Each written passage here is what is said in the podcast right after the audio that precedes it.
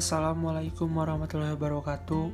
Perkenalkan saya Ilham Hendik Maulana NIM 2004080 Kelas PKN 2020A Prodi Pendidikan Kewarganegaraan. Dalam melakukan kajian tentang manusia Antropologi mengedepankan dua konsep yang penting yakni komparatif dan holistik. Karena di dalam mengkaji antropologi lebih memperhatikan pada aspek sejarah serta melalui penjelasan menyeluruh untuk menggambarkan manusia melalui ilmu pengetahuan seperti ilmu sosial, ilmu hayati, dan humaniora. Pada awalnya, ilmu antropologi berawal karena ketertarikan orang Eropa pada ciri fisik, adat istiadat dan budaya etnis lain yang berbeda-beda dengan masyarakat Eropa sehingga pada awalnya kajian antropologi lebih fokus pada penduduk sebagai masyarakat tunggal. Dalam artian kelompok masyarakat yang hidup di lingkungan yang sama namun memiliki ciri khas yang berbeda-beda. Akan tetapi, dalam perkembangannya, ilmu antropologi kemudian tidak hanya mempelajari kelompok manusia tunggal yang mendiami suatu wilayah yang sama. Antropologi lebih dalam mengkaji tentang isu-isu migrasi, misalnya melahirkan penelitian etnografis multisitus. Antropologi adalah studi tentang kemanusiaan.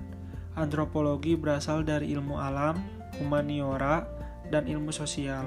Di Amerika Serikat, antropologi kontemporer biasanya dibagi menjadi empat sub bidang. Antropologi budaya juga disebut antropologi sosial arkeologi, antropologi linguistik, dan antropologi fisik atau biologis. Apa yang disebut pendekatan empat bidang untuk antrop antropologi tercermin dalam banyak buku teks sarjana serta program antropologi, misal Michigan, Berkeley, Penn, dan lain-lain. Di universitas di Inggris Raya dan sebagian besar Eropa, sub bidang yang sering ditempatkan di departemen terpisah dan dipandang sebagai disiplin ilmu yang berbeda. Antropologi secara tradisional dibagi menjadi empat sub bidang, masing-masing dengan cabang lebih lanjut. Antropologi biologis atau fisik, antropologi sosial atau antropologi budaya, arkeologi dan linguistik antropologi. Bidang-bidang ini sering tumpang tindih tetapi cenderung menggunakan metodologi dan teknik yang berbeda. Antropologi biologi atau antropologi fisik berfokus pada studi populasi manusia dengan menggunakan kerangka evolusi. Antropologi budaya juga disebut antropologi sosial budaya atau antropologi sosial, khususnya di Inggris Raya. Arkeologi adalah studi tentang budaya material manusia, termasuk kedua artefak potongan budaya manusia yang lebih tua, yang dikumpulkan dengan cermat in situ. Potongan museum dan sampah modern. Arkeolog bekerja sama dengan antropologi biologi. Sejarawan seni, laboratorium fisika untuk penanggalan dan museum mereka ditugasi mengawetkan hasil penggalian mereka dengan penggalian atau penggalian lapisan situs kuno. Antropologi linguistik juga disebut linguistik antropologis, berupa memahami proses komunikasi manusia verbal dan nonverbal, variasi bahasa lintas ruang dan waktu, penggunaan bahasa secara sosial, dan hubungan antara bahasa dan budaya. Antropologi linguistik dibagi ke dalam sub bidang sendiri linguistik deskriptif, konstruksi tata bahasa, dan leksikon untuk bahasa yang belum dipelajari. Linguistik sejarah termasuk rekonstruksi bahasa-bahasa lampau. Dari mana bahasa-bahasa kita saat ini diturunkan? Etnoli etnolinguistik ilmu yang mempelajari hubungan antara bahasa dan budaya dan Sosiolinguistik, ilmu yang mempelajari tentang fungsi-fungsi sosial bahasa.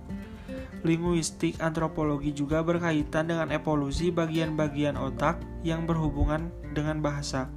Ada beberapa ciri yang cenderung mempersatukan karya antropologis Salah satu karakteristik sentralnya adalah bahwa antropologi cenderung memberikan penjelasan fenomena yang secara komparatif, lebih holistik dan cenderung sangat empiris. Antropologi biologi tertarik pada variasi manusia dan kemungkinan universal manusia, perilaku, ide, atau konsep yang dimiliki oleh hampir semua budaya manusia.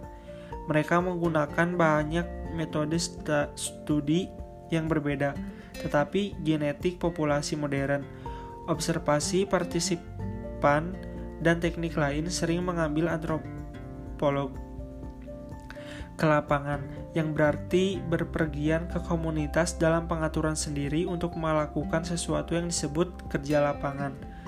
Pada saat yang sama, para antropologis mendesak sebagai bagian dari pencarian mereka akan objektivitas ilmiah relativisin budaya yang memiliki pengaruh pada semua bidang antropologi. Antropologi kontemporer adalah ilmu mapan dengan departemen akademik di sebagian besar universitas dan perguruan tinggi. Organisasi antropolog tunggal terbesar adalah American Anthropological Association yang didirikan pada tahun 1903 penggunaan pertama kali istilah antropologi dalam bahasa Inggris untuk merujuk pada ilmu alam manusia tampaknya pada tahun 1593 yang pertama dari logika yang diciptakan. Sebagian besar sarjana menganggap antropologi modern sebagai hasil dari zaman pencerahan, suatu periode ketika orang Eropa berusaha secara sistematis untuk mempelajari perilaku manusia. Varietas yang diketahui telah meningkatkan telah meningkat sejak abad ke-15 sebagai akibat dari gelombang kolonisasi Eropa yang pertama.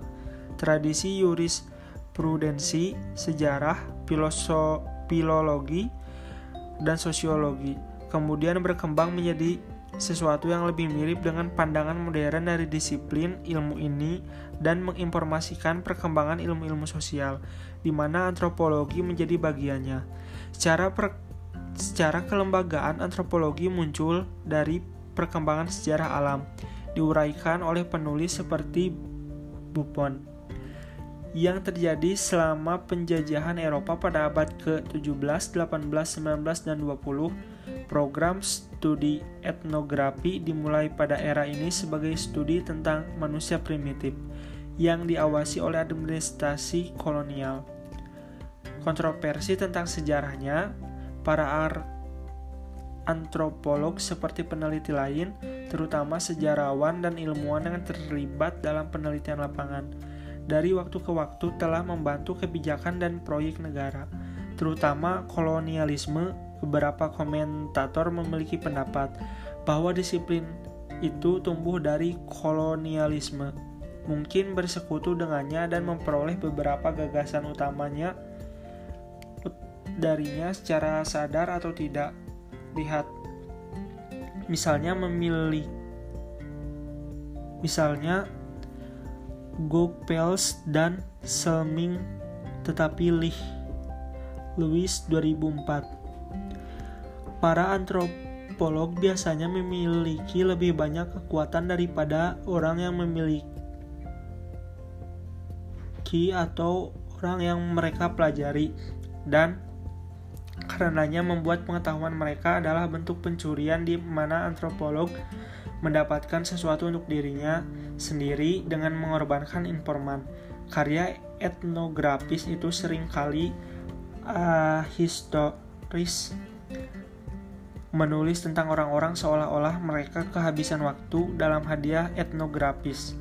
Johannes Fabian, waktu dan lainnya. Militer, keterlibatan antropolog dengan pemerintahan AS khususnya telah menimbulkan kontroversi pahit dalam disiplin ilmu tersebut. Franz Boas secara terbuka keberatan dengan partisipasi Amerika Serikat dalam Perang Dunia Pertama dan setelah perang ia menerbitkan paparan singkat dan kecaman atas partisipasi beberapa arkeolog Amerika dalam spiona, spionase di Meksiko di bawah kedok mereka sebagai ilmuwan.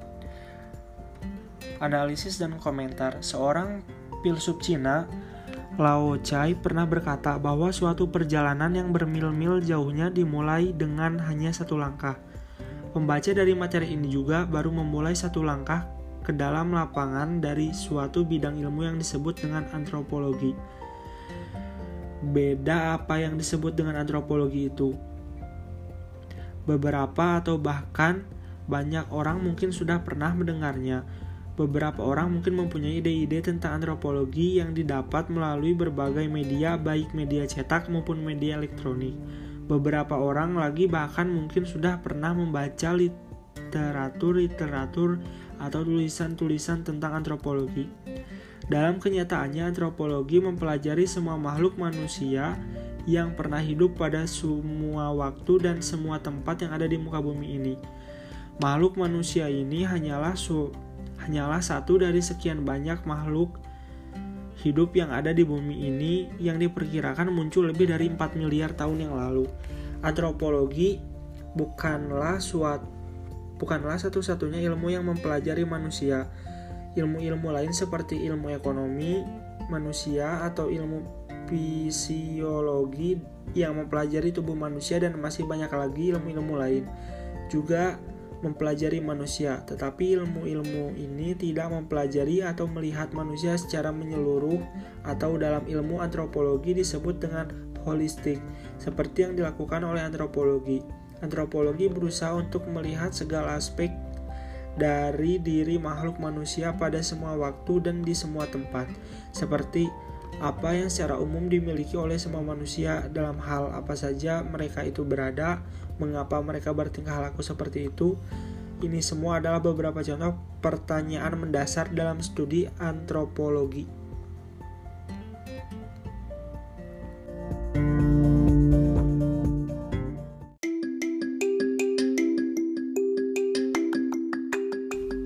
Assalamualaikum warahmatullahi wabarakatuh. Perkenalkan saya Ilham Melik Maulana dari Prodi Pendidikan Kewarganegaraan kelas PKN 2020A.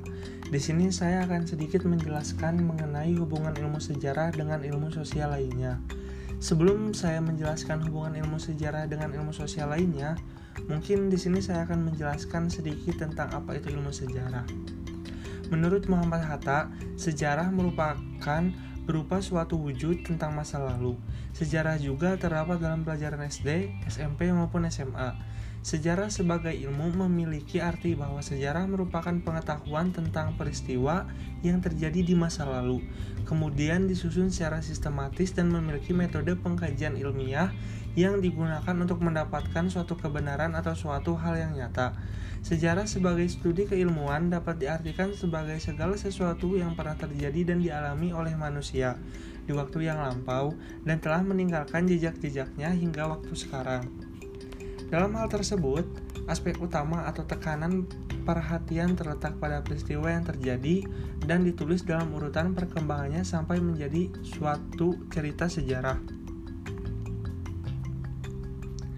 Ilmu sejarah ini memiliki hubungan dengan ilmu sosial lainnya. Contohnya adalah berhubungan dengan ilmu ekonomi. Secara etimologi, kata ekonomi berasal dari bahasa Yunani yaitu oikos yang artinya keluarga atau rumah tangga dan nomos yang artinya tata aturan atau hukum.